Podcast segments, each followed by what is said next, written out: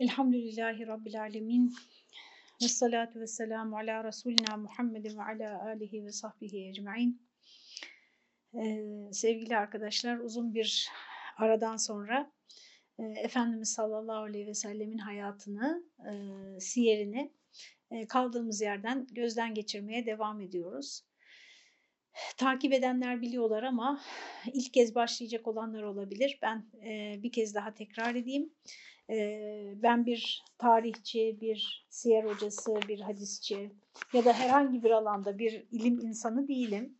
E, ben bir vaizeyim e, ve e, mesleğimin gerektirdiği kadarıyla ve bir Müslüman olarak Efendimiz sallallahu aleyhi ve sellemi tanımaya gayret eden, tanıtmaya gayret eden, bunun bir numaralı önceliğimiz olduğuna inanan bir insanım. Arkadaşlar bilenler bilir. İşte dini ilimleri okumaya nereden başlasak ya da İslam'ı işte merak ediyoruz öğrenmek istiyoruz daha sistemli okumalar yapmak istiyoruz nereden başlasak diye soranlara söylediğim bir şey var. Hepsine herkese öncelik Hazreti Peygamber'in hayatıdır. Hazreti Peygamber'in hayatını okumadan hatta detaylarıyla vakıf olmadan bir ilim adamı kadar olmasa bile yani bir hadiseden bahsedilince bunun ne olduğunu aşağı yukarı bilen bir kişi olmadan Kur'an'ı bile doğru dürüst anlayabileceğimiz kanaatinde değilim. Dolayısıyla bizim elimizdeki Kur'an'ın Kur'an olduğunu bize söyleyen de Efendimiz'dir. Yani değil mi? Biz Cebrail'in indiğini görmedik sonuçta. Bunun için bizim bütün dinimize bağlılığımız, samimiyetimiz, e, kitabımıza bağlılığımız, sadakatimiz ve e, teslimiyetimiz hep Efendimiz'e güvenden kaynaklanır. E, Hz. Muhammed sallallahu aleyhi ve selleme duyduğumuz güven ve bağlılıktan kaynaklanır. Onu Allah'ın seçmiş olmasından kaynaklanır. E, dolayısıyla onu ne kadar tanırsak o kadar severiz. Ne kadar seversek dinimiz o kadar sağlam olur. Müslümanlığımız o kadar sağlam olur. Allah'ın kitabını o kadar doğru anlarız ve anladıklarımızı hayatımıza aksettirme konusunda, yaşama konusunda o kadar büyük bir azim ve motivasyon içinde oluruz.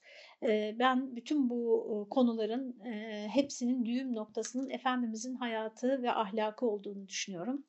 Tek başına hayatı yetmez. Yani siyer kitaplarına baktığımızda şimdi işte sizinle Uhud Savaşı'nı okumuşuz, konuşmuşuz en son.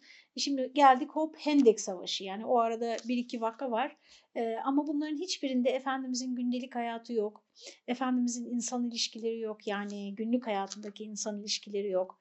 Onun o e, küçük hadiselerde ortaya çıkan büyük ahlakını görmek isteyenler. Ee, biz bir savaş yönetmeyeceğimize göre yani büyük ihtimalle e, böyle kendi e, sıradan hayatlarımıza onun hayatından güzel örnekler, mesajlar e, edinmek isteyenler sadece siyerle yetinmemeliler. Mutlaka hadis kaynaklarını da okumalılar e, efendim ve e, tavsiye ettiğimiz gibi e, şemail kitaplarını da okumalılar. E, bunları bir bütün olarak zihnimizde birleştirdiğimizde e, hepsi birbirini destekleyecek ve biz ayaklarımızı yere çok daha sağlam bir şekilde basabileceğiz.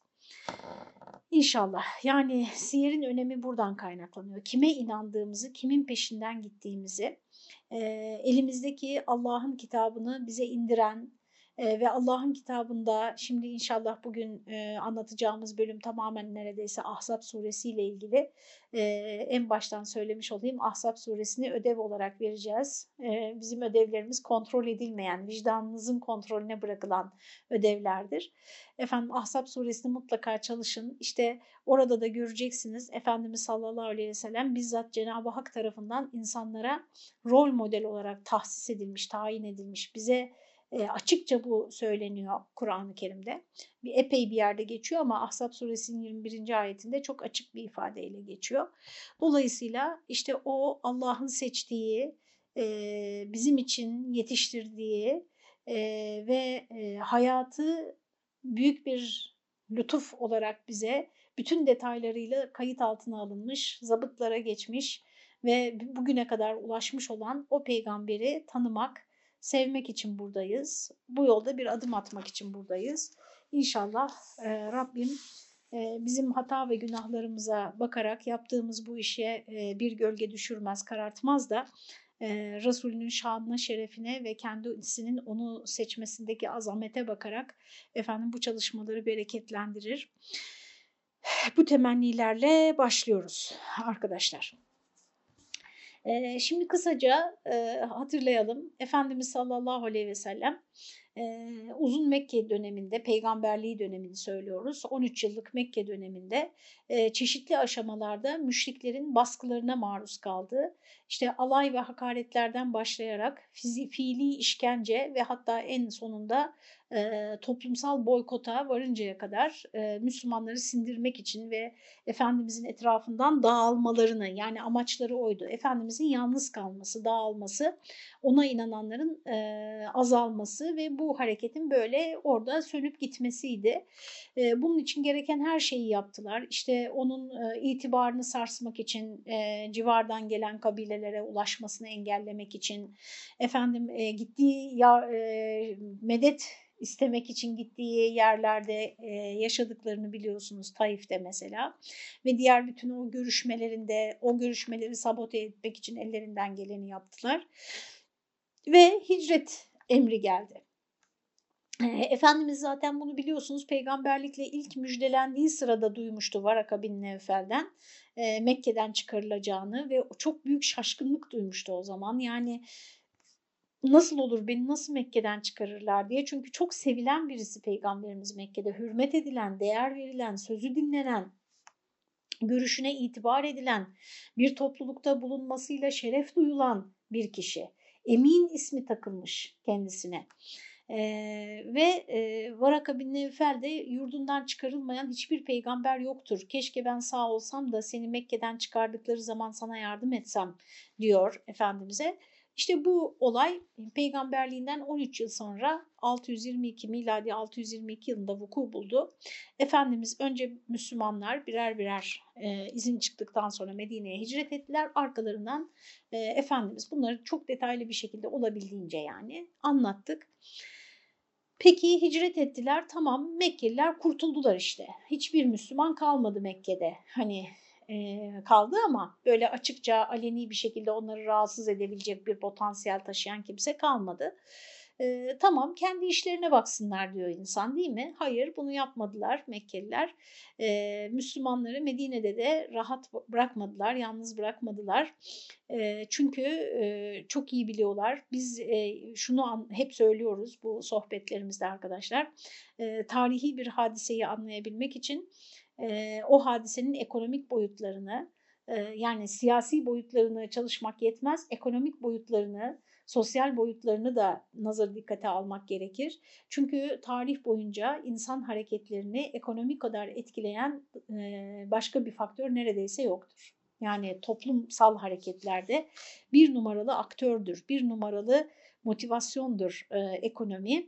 Ee, ve Efendimizin Medine'ye hicretinden sonra onu yalnız bırakma yani kendi haline terk etmemelerini yeter hani ayrıldık artık bırakın bizi değil mi? Bırakmamalarının sebebi Medine'nin e, Mekke'nin ticaret yolu üzerinde olması e, kuzey ticaret yolu üzerinde olması ve orada bir güç oluşturabilecek, e, giderek çoğalıp bir merkez haline gelebilecek Müslümanların kendileri için ileride bir tehdit oluşturması ihtimaline binaen e, Medine'de de Müslümanları yok etmek için çeşitli saldırılar yaptılar, planlar yaptılar, düşmanlarıyla işbirliği yaptılar. Çok çeşitli aşama yani siyasi manevralarla, askeri saldırılarla Müslümanları Medine'de de taciz etmeye devam ettiler Mekkeliler. Bunların ilki Bedir Savaşı'ydı. Biliyorsunuz bir ticaret kervanını bahane ederek e, o kervan kurtulduğu halde e, onu bahane ederek Medine'ye, Medinelilere saldırdılar. Cenab-ı Hak orada Efendimiz'e ve Müslümanlara çok büyük bir zafer var, e, lütfetti. Gerçekten bu bir ölüm kalım savaşıydı. Efendimizin dualarından da biliyoruz Bedir Savaşı sırasında yaptığı dualardan. Çok mucizevi olaylar yaşandı ama hep söylediğimiz gibi o mucizelere zemin hazırlayan yine Müslümanların oradaki teslimiyetleri, samimiyetleri şeksiz şüphesiz hani ne demişti Ensar'ın temsilcisi? Ya Resulallah biz e, Musa'nın kavminin Musa'ya dediği gibi sen ve Rabbin gidin savaşın biz burada oturup sizi bekleyeceğiz. Yani o e, bir şehre girmeleri emrediliyor. O şehirde çok kuvvetli insanlar yaşıyorlarmış. Siz onlarla gidin bir savaşın onları çıkarın ondan sonra biz gireceğiz demeyiz. Bize denizi göstersen dalmamız için biz oraya dalarız diyor. Çünkü Efendimiz e, onların fikirlerini neden sordu? Çünkü e, Akabe tepelerinde Medinelilerle anlaşırken e, Efendimiz hicretten önce Medine içerisinde kendisini savunmaları üzerine anlaşmıştı. Bedir ise Medine'nin dışında bir yer olduğundan Efendimiz tekrar fikirlerini sordu. Yani biz buraya savaşmak için gelmedik ama mukadderat böyleymiş. Kureyş üzerimize bir ordu gönderiyor. Bu savaşta bizim yanımızda mısınız diye Medinelilere sorduğunda bu cevabı almıştı. Çok büyük bir sadakatle ve bağlılıkla ve birlik içerisinde Efendimiz'e itaatle büyük bir zafer kazandılar. Bedir zaferin tarihe yazıldı. Bunun üzerinden iki yıl geçmeden o savaşta kazanılan, işte o savaş öncesinde o savaşa sebep olan kervanın, Ebu Süfyan'ın götürdüğü kervanın gelirleriyle yeni bir ordu toplaması konusunda baskı yapıldı Ebu Süfyan'a. Bilhassa Bedir'de kaybettiklerinin intikamının alınması için tekrar düzenli bir ordu hazırladı Mekkeliler. 3000 kişilik ve bu ordunun üzerlerine geldiğini haber aldığında Efendimiz, e, bu arada onu hep belirtelim, istihbaratı çok kuvvetlidir Peygamber Efendimizin. E, çok sağlam işleyen bir istihbarat e, tarzı var. E, bu istihbar diyeceksiniz ki onun istihbaratı sağlam olmasın da kimin olsun işte Cebrail haber veriyordur. Öyle olmadığını siyer okuduğunda göreceksiniz arkadaşlar. Yani tabii ki Cebrail bazı şeyleri haber veriyor ama Efendimiz sanki Cebrail haber vermeyecekmiş gibi yani Cebra hani Cebrail'le görüşmüyormuş gibi herhangi bir toplum lideri kendi toplumunun e, menfaatini, kendi toplumunun hayatiyetini korumak için nasıl çalışırsa hangi yollara, hangi tedbirlere başvurursa Efendimiz aynı tedbirlere başvurarak her zaman haberciler gönderiyor, haber toplatıyor. E, bu arada çok e, en ilginç onlara e, tavsiyelerde bulunuyor. Dikkat çekmeyecek şekilde, kimsenin anlamayacağı şekilde tedbirlerle bunu yaptırıyor. Yani ben işte göndereyim birini bana Mekke'den haber getirsin. Aman kim duyarsa duysun zaten benim arkamda Allah var hani bir şekilde bana yardım edecek gelecektir asla demiyor. Herhangi bir insan olsaydı yani peygamber olmayıp herhangi bir insan olsaydı bir lider olarak o lider ne yapacaktıysa aynısını yapıyor. Hatta daha fazlasını yapıyor. Yani bu açıdan Efendimizin hani hayatına hangi cepheden bakarsanız bakın orada müthiş bir deha görüyorsunuz. Müthiş bir insanlık örneği görüyorsunuz. Yani aile hayatına bakın fevkalade bir aile reisi, bir baba, bir eş. İşte sosyal hayatına bakın çok harika bir dost, çok harika bir komşu. Birazdan göreceğiz mesela Yahudiler bile peygamberimiz için böyle söylüyor. O çok harika bir komşu. Biz ona ihanet etmemeliyiz diyorlar. Mesela Kureyza Yahudileri Hendek Savaşı sırasında ihanet edecekleri zaman içlerinden bazıları buna karşı çıkıyorlar. Çok harika bir komşu. İşte ticaret hayatına bakın müthiş dürüst, müthiş güvenilir bir tüccar. Siyaset hayatına bakın deha düzeyinde bir siyaset gerçekçi, olağanüstü iradeli, olağanüstü soğukkanlı, olağanüstü akıllı, e, tedbirleri çok kuvvetli bir siyasi lider. Yani sadece e, peygamber olarak değil, bir insan olarak da çok seçkin vasıflara sahip. Efendimiz ve e, dediğim gibi ben e, adet yani inşallah haddimi aşan bir şey söylemiyorumdur. Çok tehlikeli olur burada haddi aşan şeyler söylemek Efendimiz'den bahsederken. E, yani peygamberliğine hiç yaslanmamış anlatabildim mi arkadaşlar? Hiç yaslanmamış yani ben peygamberim ya Allah beni nasıl koruyacak yani hiç böyle yaslanmamış. Ne ne yapması gerekiyorsa, hangi tedbirler gerekiyorsa e, yapmış. Mesela işte bunlardan birisi de Uhud Savaşı e, yani o Uhud Savaşı öncesi Mekkelilerin ordu hazırladığını haber alınca ashabına danışıyor biliyorsunuz. Bunları anlattığımız için böyle bir hani irtibatı kurabilecek bir altyapı oluşturalım istedim bu akşam. Efendim ashabına danışıyor. Sahabe-i kiram bir istişare heyeti kuruyor ve e, hep söyledim bakın şura İslami yönetim İslam'ın yönetim anlayışında çok önemli bir temel prensiptir. E, şura istişare ile hareket eden yanılmaz diyor Efendimiz sallallahu aleyhi ve sellem. E, ve hiçbir zaman da yani sonu kötü bile çıksa şuradan şuraya devam ediyor, vazgeçmiyor, danışmaktan hiçbir zaman vazgeçmiyor. E, şuranın kötü sonu sonu kötü çıkmıyor aslında. Yani şuradan kötü bir şey çıkmıyor. Fakat şura sonucunda alınan kararlara uyulmadığı için başarı, bir nevi başarısızlık oluyor Uhud Savaşı'nda. Bu şura meselesiyle ilgili de iki metin yani yönetim, İslam'ın yönetim anlayışıyla ilgili size iki metin tavsiye etmiştim. Çok her yerde söylüyorum size tekrar edeyim. Efendim Ahmet Özel Hoca'nın Yönetici Peygamber Hazreti Muhammed isimli eseriyle Abdülkadir Udeh'in İslam ve Siyasi Durumumuz isimli eseri. E, Yönetici Peygamber kitabını herkes okuyabilir. Yani o anladığım kadarıyla hocanın başka bir akademik çalışmasının özeti. E, daha çok hadis rivayetlerine dayanıyor. Efendim e, İslam ve siyasi durumumuz biraz daha e, alanla ilgisi olanların e, daha rahat okuyabileceği bir metin ama orada da şura hiç olmazsa şura bölümünü e, okursanız yani İslam'da şura nasıl çalışır, istişare nasıl yapılır, e, şu e, görüşüne başvurulan e, bu istişare heyeti e, hangi ahlakta olmalıdır? Yani daha sonra öncesinde sonrasında mesela kulis yapılabilir mi? Arkadan böyle konuşulabilir mi? Şura kararları karardan sonra da eleştirilebilir mi? E, gibi detayları oradan daha güzel e, okuyabilirsiniz. Efendim şu Efendimiz bir heyet topluyor ve danışıyor görüşüne başvurulabilecek kişilere. E ne yapalım işte bir ordu toplanmış üzerimize doğru geliyor. Çok şey bir ordu, profesyonel bir ordu. Ee, Medine'nin ileri gelenleri, yaşlıları diyelim e, ve Efendimiz e, şehrin içinde kalıp müdafaa savaşı yapmak gerektiğini e, düşünürlerken daha genç olanlar, e, özellikle de Bedir'e katılamamış olanlar, e, hani bir defa Cenab-ı Hak Bedir'de büyük bir zafer lütfetti ya, hani bu hep böyle gidecek nasılsa ve biz de bundan payımızı alalım e, diye düşünüyorlar ve biraz da tabii kahramanlık duyguları da e, öne çıkıyor ve e, diyorlar ki işte niye korkaklar gibi şehir içinde kalıyoruz, e, meydan savaşı yapalım. Ve e, detayları geçelim çünkü anlattık. E, meydana gidiliyor, Uhud meydanına gidiliyor. Efendimiz ordusunu yerleştiriyor. İşte e, artık herkes biliyor, sokaktaki çocuklar bile 50 kişiyi Ayneyn geçidine, ordunun kendi ordusunun sırtını dayadığı dağlardaki bir geçide yerleştiriyor ve diyor ki burada benden bir emir gelmedikçe buradan cesedimize akbabaların konduğunu da görseniz cesetlerimize buradan asla ayrılmayın diyor bu 50 kişiye. Çünkü arkadan düşman tarafından iki ateş arasında bırakılmaya müsait olan bir geçit var arkalarında. Onu tutmalarını söylüyor bu 50 kişiye.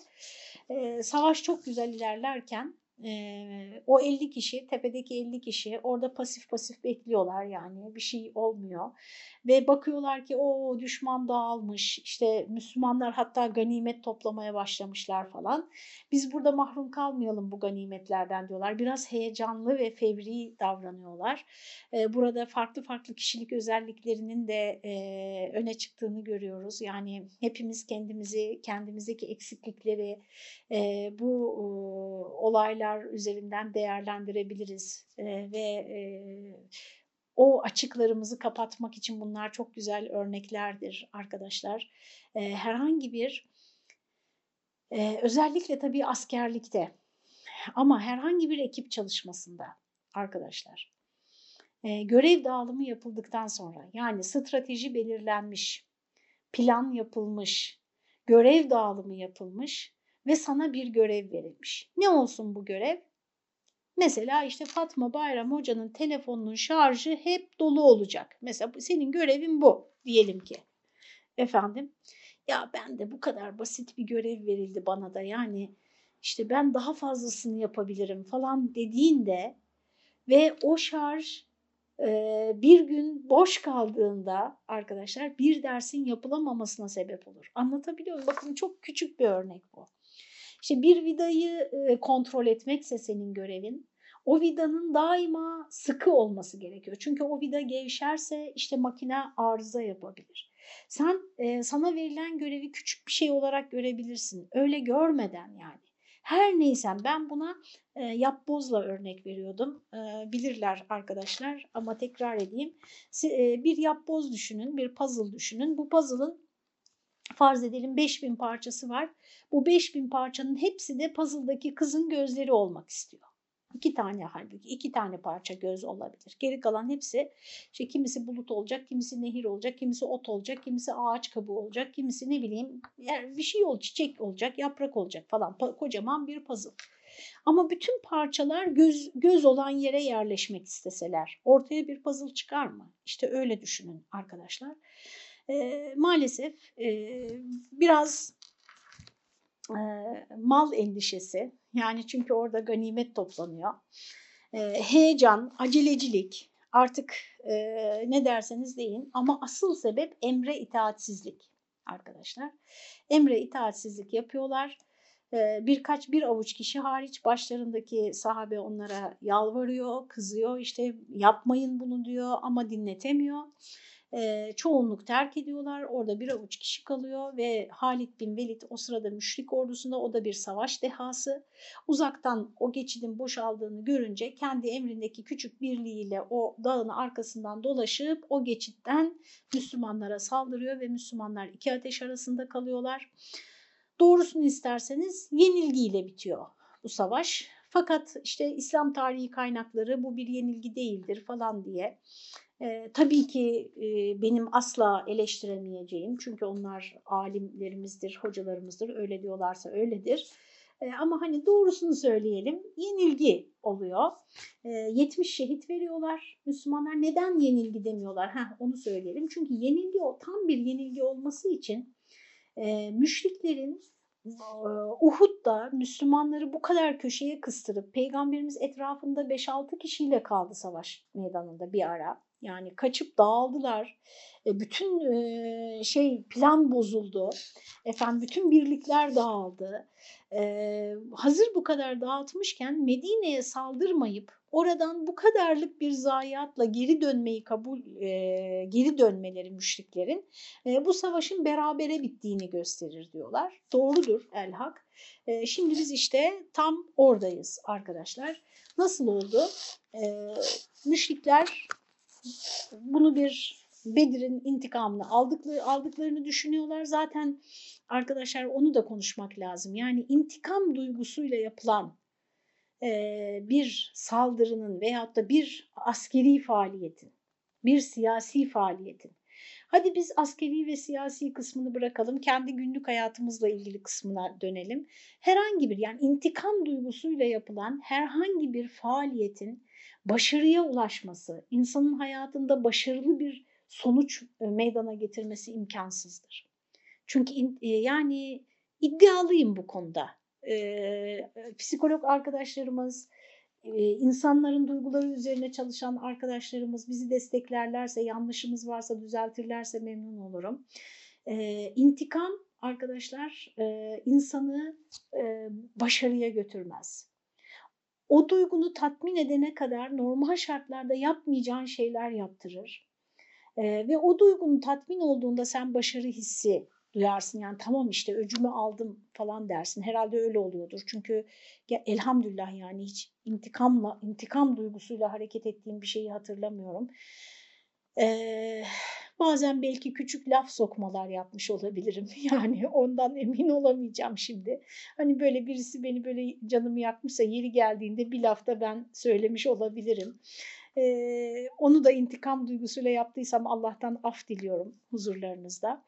Ee, bazen böyle insan kontrolünü kaybedebiliyor ama ne olursa olsun intikam insanın aklını askıya alan, e, hakikati görmesini engelleyen, e, ve sonuçta insana e, böyle tarihe geçecek bir şan ve şeref de kazandırmayan bir duygu arkadaşlar. Ha, bu arada bakın bu sol elim, bu sağ elim. Şimdi müsaadenizle bir bardak çaydan içeyim e, şey yaptı. İnsanlar sol elimle içtiğimi zannediyorlar. Öyle değil ekran böyle gösteriyormuş arkadaşlar maalesef. İşte e, intikamımızı aldık diyorlar. Biliyorsunuz işte Ebu Süfyan'ın yaptığı bir konuşma var. Doğrusunu isterseniz Ebu Sufyan'ın da e, daha sonra Müslüman olduğu Mekke'nin fethinden sonra sahabedir yani e, er geç de olsa. Efendim Ebu Sufyan'ın böyle bir şeyi var. E, kifayetsiz bir liderliği var. Allah beni affetsin. E, Mekke'nin fethi sırasında da hani e, Hazreti Abbas Peygamber Efendimiz'e diyor ki ya Resulallah Ebu Sufyan böyle gururun okşanmasından hoşlanır. Onun gururunu okşayacak bir şey söyle diyor. Hani e, böyle hani Mekke'nin lideri çünkü Mekke'yi teslim edecek. E, böyle onu hani o zilil durumdan kurtaracak bir şey, bir şey söyle de onunla sevinsin diyor. Efendimiz sallallahu aleyhi ve sellem işte o zaman Mekke'ye girerken kim Ebu Sufyan'ın evine girerse sığınırsa e, selamettedir. Kim kendi evine sığınırsa selamettedir diyor. Ebu Sufyan koşa koşa bunu Mekke'de ilan ediyor. İşte Muhammed karşı konulamaz bir güçle geldi. Kim benim evime sığınırsa selamettedir. Kim kendi evine sığınırsa selamettedir. Karısı da diyor ki Allah sana akıl versin diyor. Senin evin kaç kişiyi alacak diyor. Bunun nesi, bunun nesiyle gurur duyuyorsun diyor. Böyle biri Ebu Sufyan. Ee, ve orada işte o kadar o intikamı almış olmayı, o 70 kişiyi müsle yaparak yani vücutlarını öldürdükten sonra doğrayarak, organlarını keserek e, efendim intikamlarını aldıklarını düşünüyorlar ve geri dönüyorlar. Efendimiz sallallahu aleyhi ve sellem de Uhud şehitlerini defnettikten sonra, bu arada onu söyleyeyim, şehitler yıkanmadan ve üzerlerindeki kıyafetler çıkarılmadan e, kanlı elbiseleriyle defne, defnedilirler.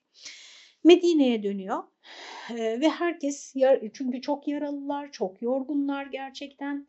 E, efendim evlerine çekilip yaralarının tedavisiyle meşgul olduğu sırada ertesi gün sabaha doğru e, Efendimiz Kureyş ordusunun Medine'ye baskın düzenlemek istediğine dair bir haber alıyor hemen e, baskını önlemek için ve Müslümanların zayıf düşmediğini göstermek yani Medine'nin sahipsiz olmadığını göstermek için Kureyş ordusunu takip etme kararı alıyor Efendimiz. E, yalnız bu takibe sadece Uhud'a katılanların katılmasını söylüyor. Yani bunun üzerinde de çok düşündüm. Şimdi mesela ben olsam orada e, zaten bir savaştan gelmişler. Herkes perişan. E, ben olsam o yorgun olanları bırakırım Hani aklım öyle diyor. E, savaşa katılmamış olan daha böyle zinde, daha e, dinç olanları toplarım ve onlarla giderim. Çünkü takip etme, edecek Peygamber Efendimiz e, Kureyş ordusunu. 8 mil mesela 8 mil, 8 mil uzaklıktaki Hamra ul Esed'e kadar gidip arkalarından e, takip ediyor. Yani Medine sahipsiz değil eğer geri dönerseniz biz burada bekliyoruz sizi anlamında efendim e, 500 kişilik bir orduyla fakat diyor ki peygamberimiz hayır buna Uhud'a katılanlar sadece gelecek diyor.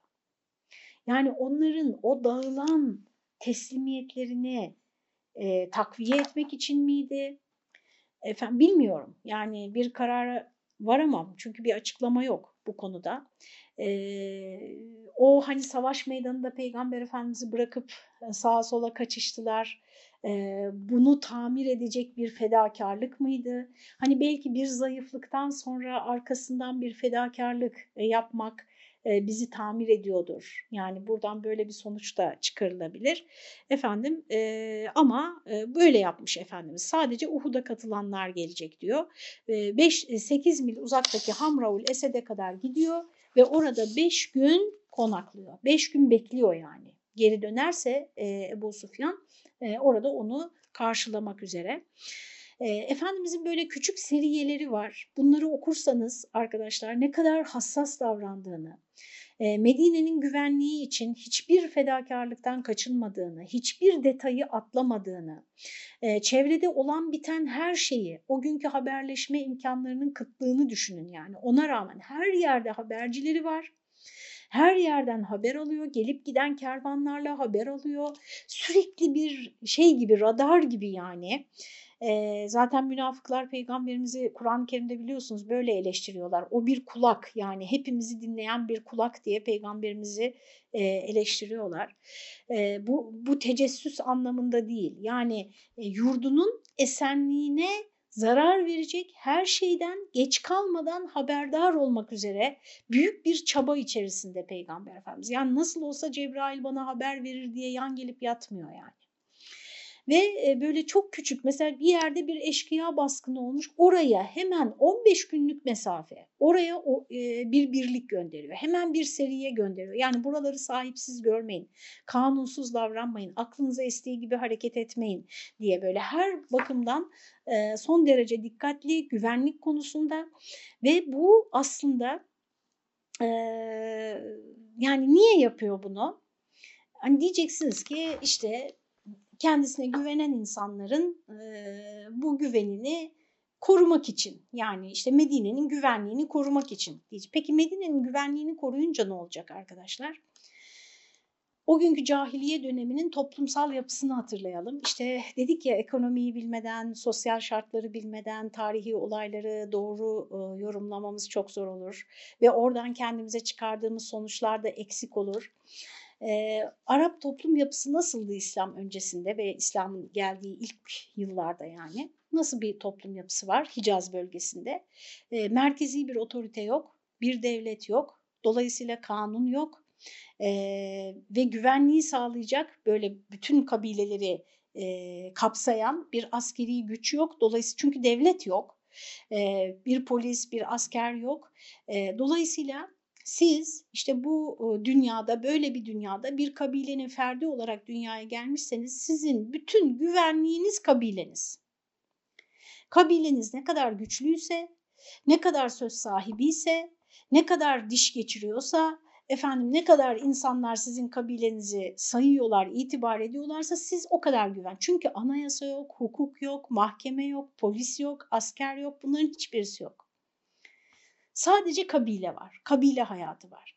Ve bir insanın kabileden dışlanması demek ölüme terk edilmesi demek. Yani mecbur o insan dışlanan insanlar oluyor kabileleri tarafından. Hemen ne yapıyorlar? Bir başka kabilenin himayesine giriyorlar.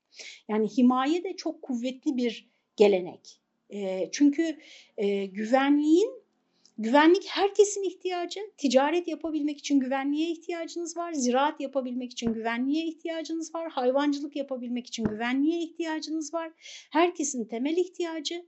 Dolayısıyla ben senin güvenliğini ne kadar sağlarsam sen de benimkini o kadar sağlarsın. Böyle bir hani üzerinde konuşulmamış bir konsensus var. Dolayısıyla himaye sistemi çok e, iyi bir şekilde işliyor.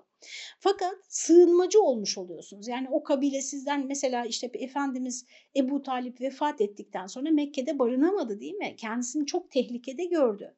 Çünkü onu himaye edecek kimse kalmadı. Kendi kabilesi içerisinde bile bazen himayeye ihtiyacı oluyor insanların.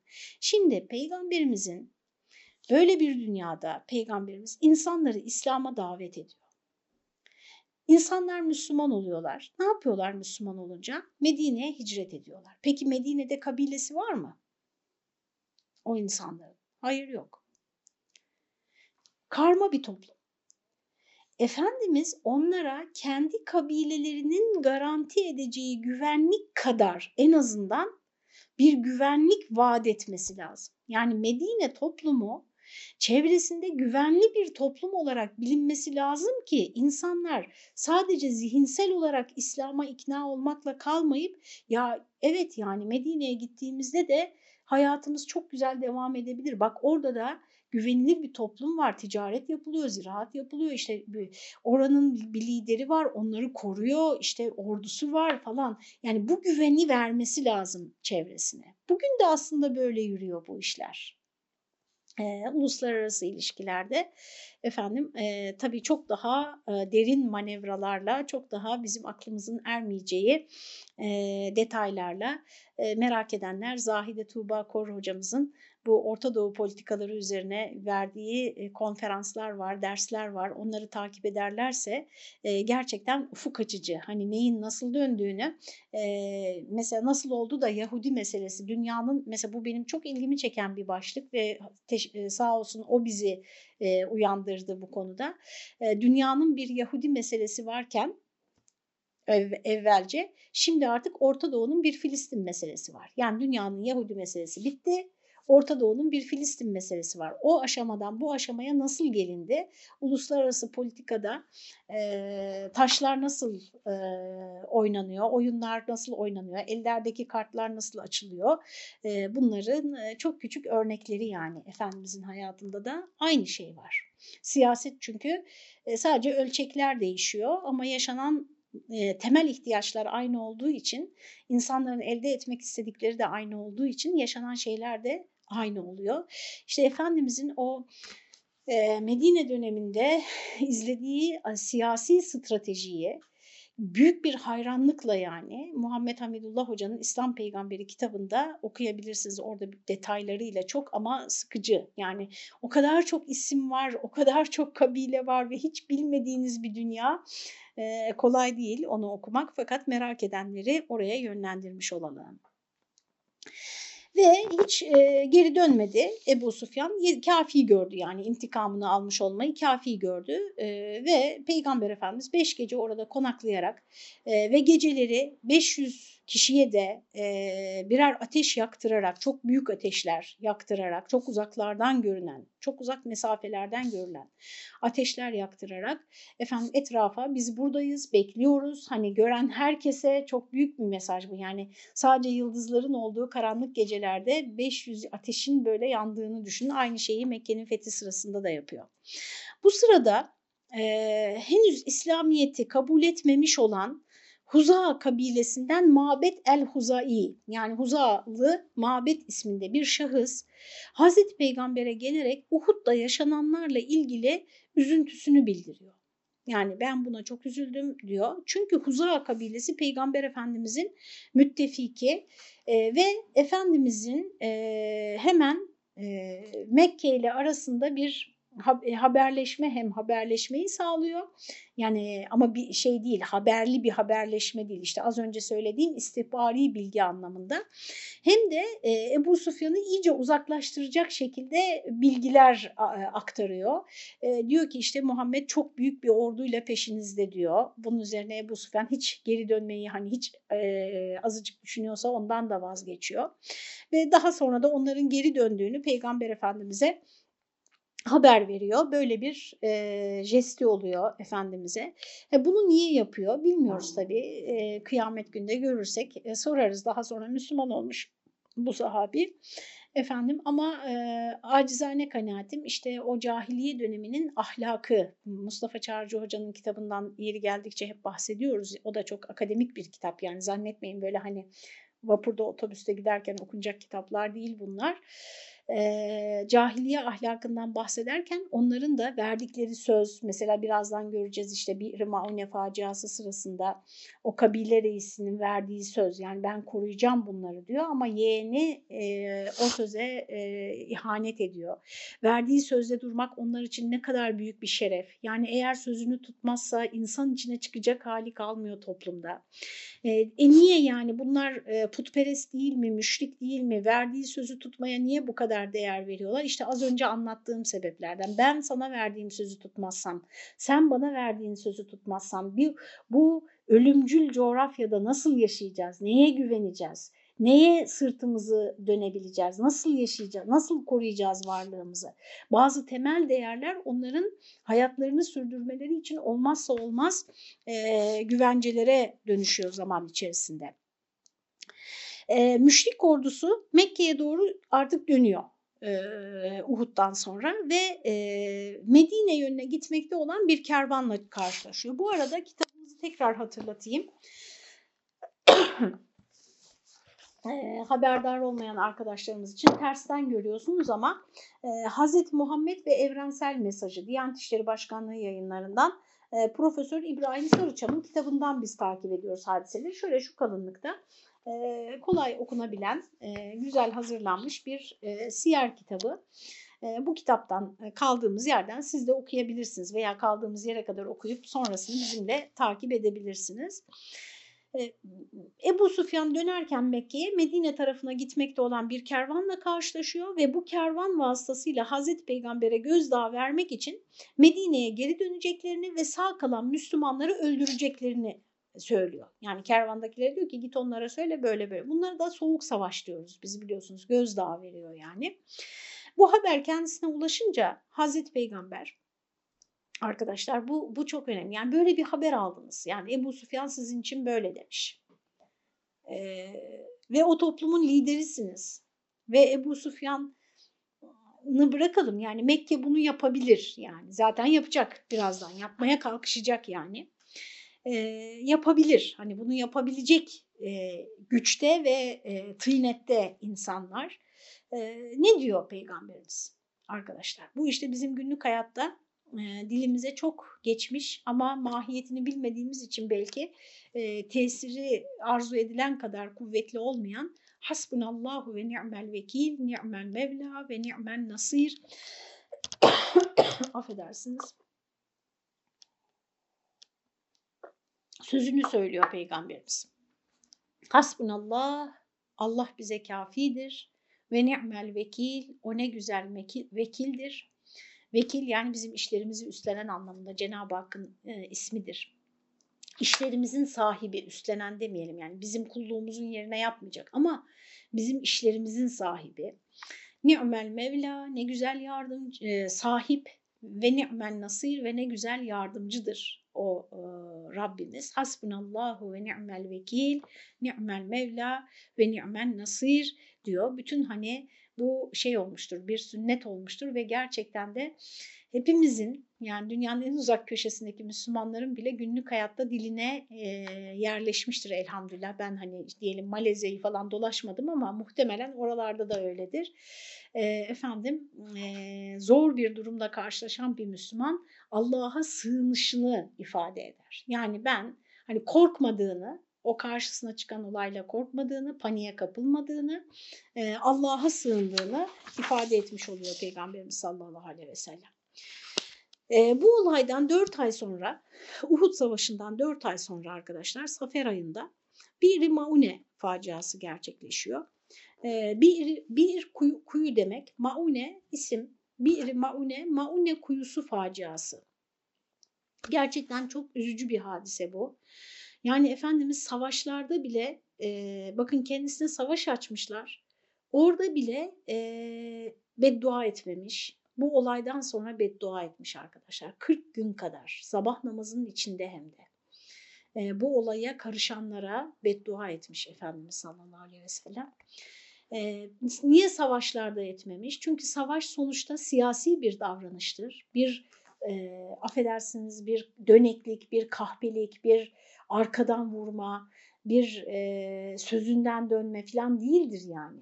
Meydan okur, meydan okur karşı taraf size Hani insan gibi haber verir, haberiniz olur ve hazırlanırsınız ve savaşırsınız. Yani istenmeyen bir durumdur ama hayatın bir gerçeğidir. Yani savaşı da mertçe, kahramanca yapabilir iki tarafta.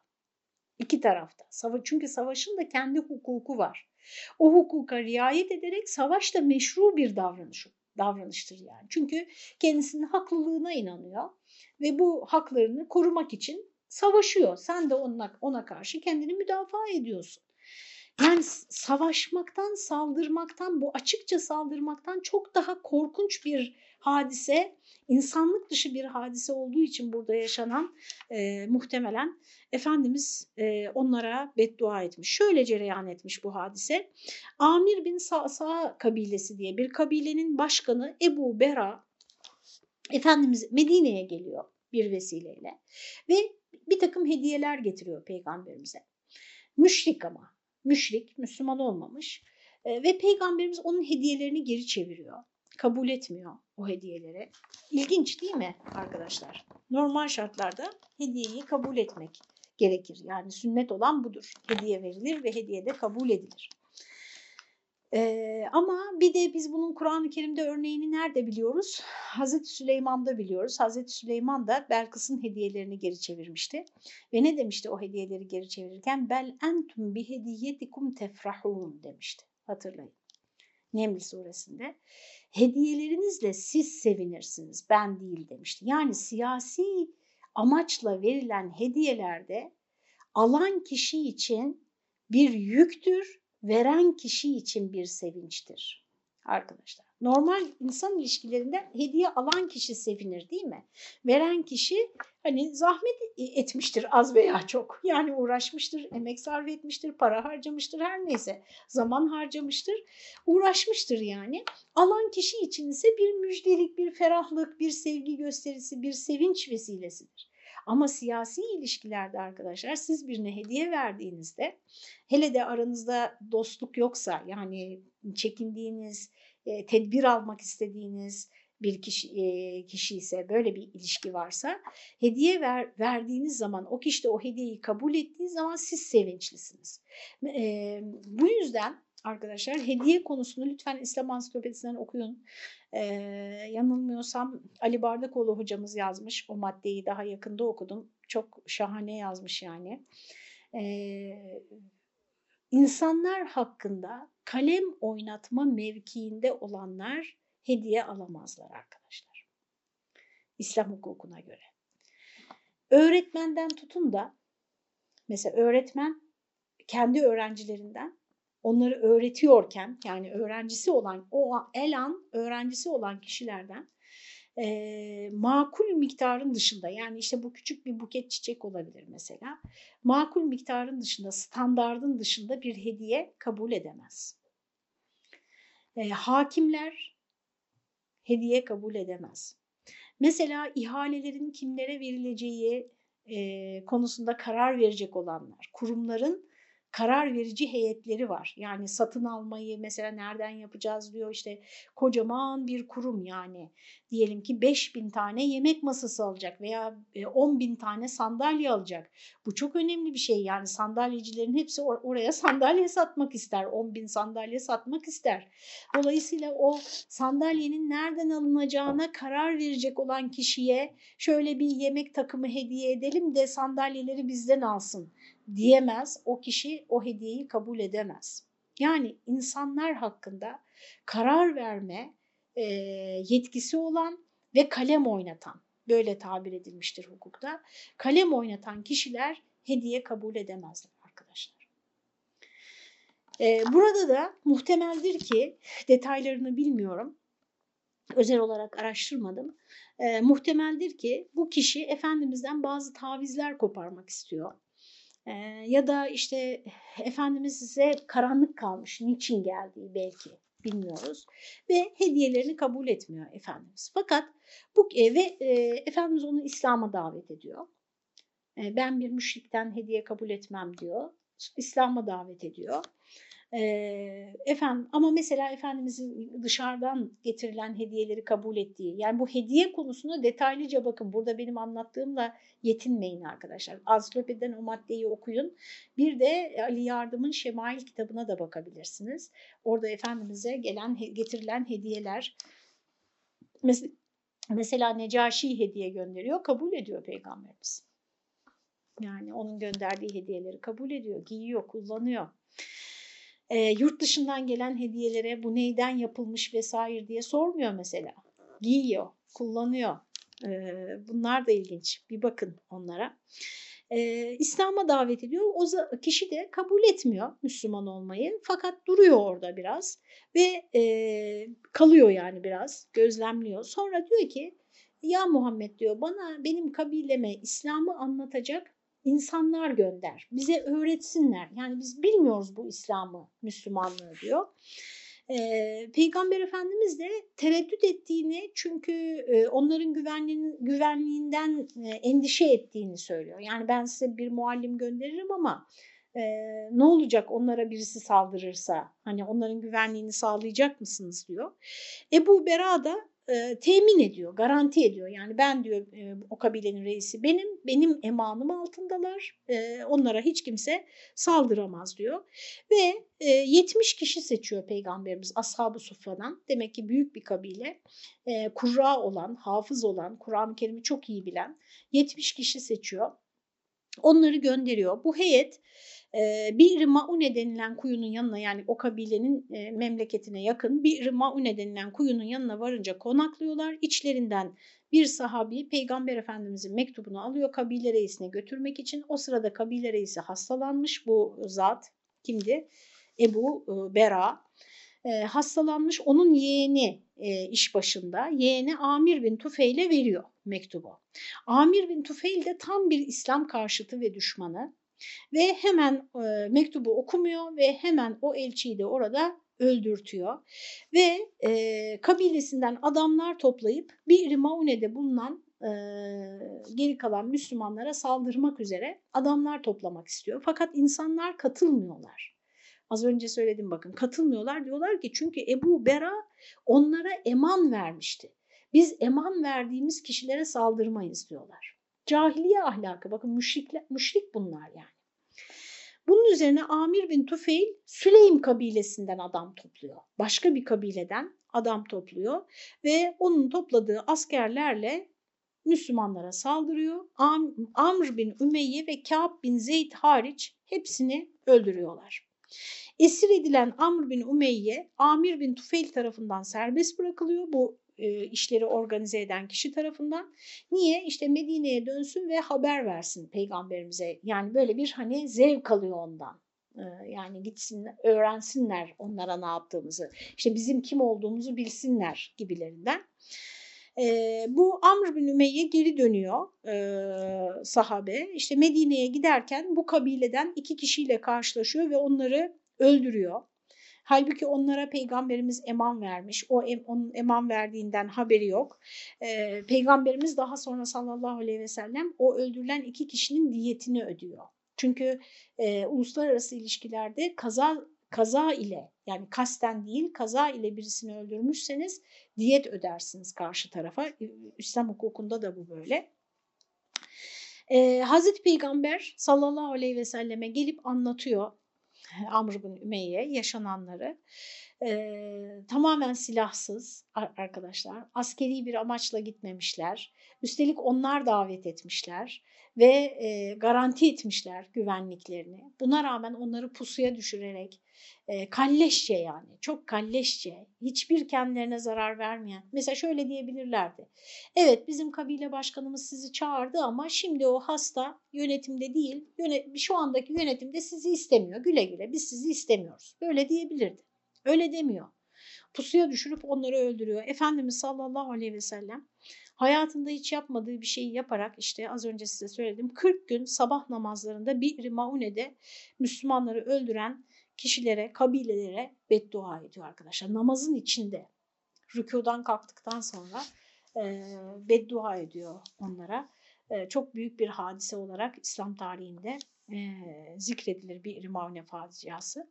Benzer bir hadise e, aynı yıl içerisinde Reci olayı vuku'a geliyor. O da benzer bir hadise. Adal ve Kare kabilelerinden bir heyet Medine'ye gelerek peygamberimizden yine kendilerine İslam'ı öğretmek üzere bir heyet e, ter, istiyorlar. Peygamber Efendimiz 10 kişi gönderiyor bu sefer. Mekke ile Usfan arasında Huzeyl kabilesine ait Rici suyunun başına vardıklarında efendim Huzeyl kabilesinin bir kolu olan Lihyan oğullarından 100 kadar silahlı bir birlik kendilerini esir alıyor. Esir almaya kalkışıyor. Bunları esir alalım Mekkelilere satalım diyorlar. Efendim Müslümanlar kendi aralarında istişare ederek teslim olmayı reddediyorlar. Büyük bir kısmı e, şehit düşüyor. Efendim üç kişi kalıyor. O üç kişinin ellerini bağlayarak e, Mekke'ye doğru e, götürüyorlar. Sat, yani Mekkelilere satacaklar.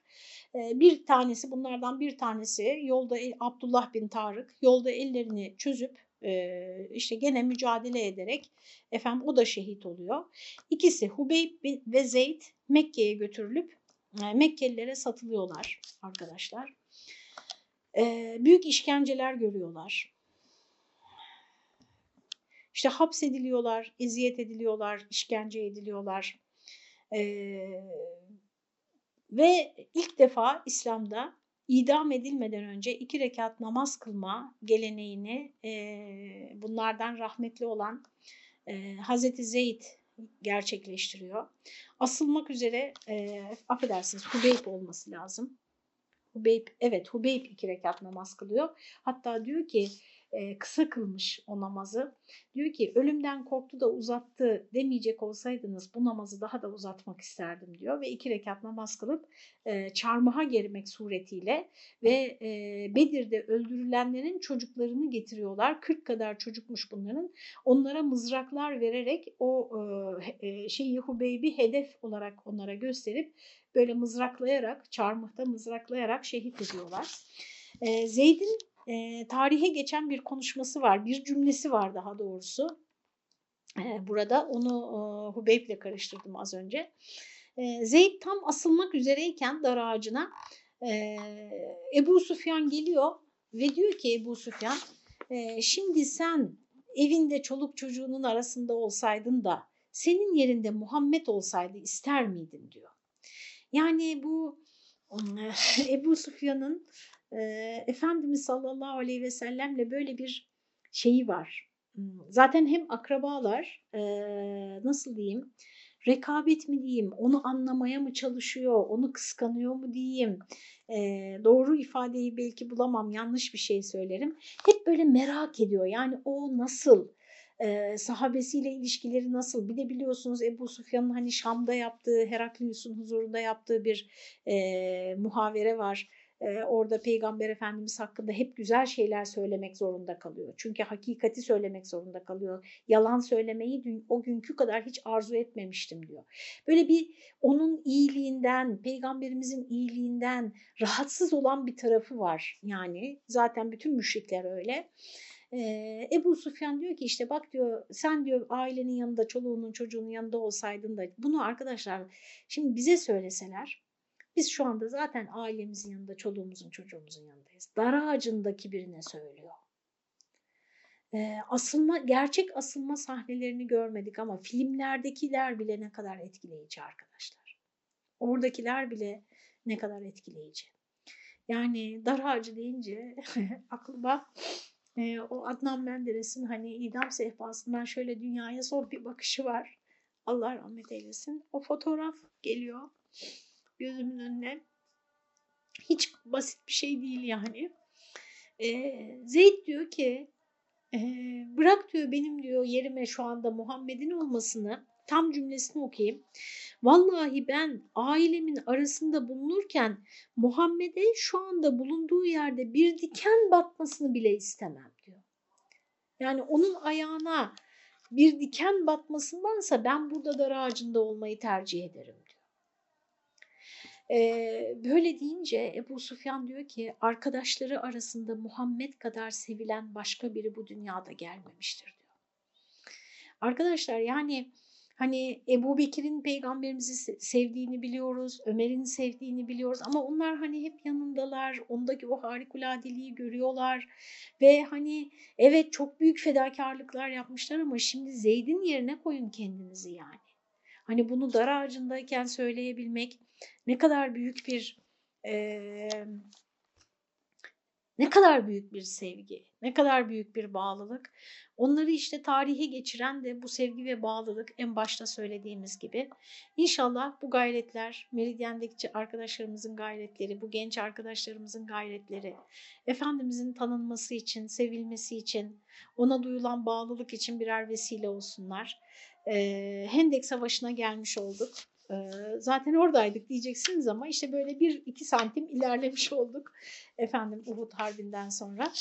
haftaya Allah nasip eder kısmet ederse Hendek Savaşı'ndan kaldığımız yerden devam ederiz. Allah'a emanet olunuz. Hayırlı akşamlar.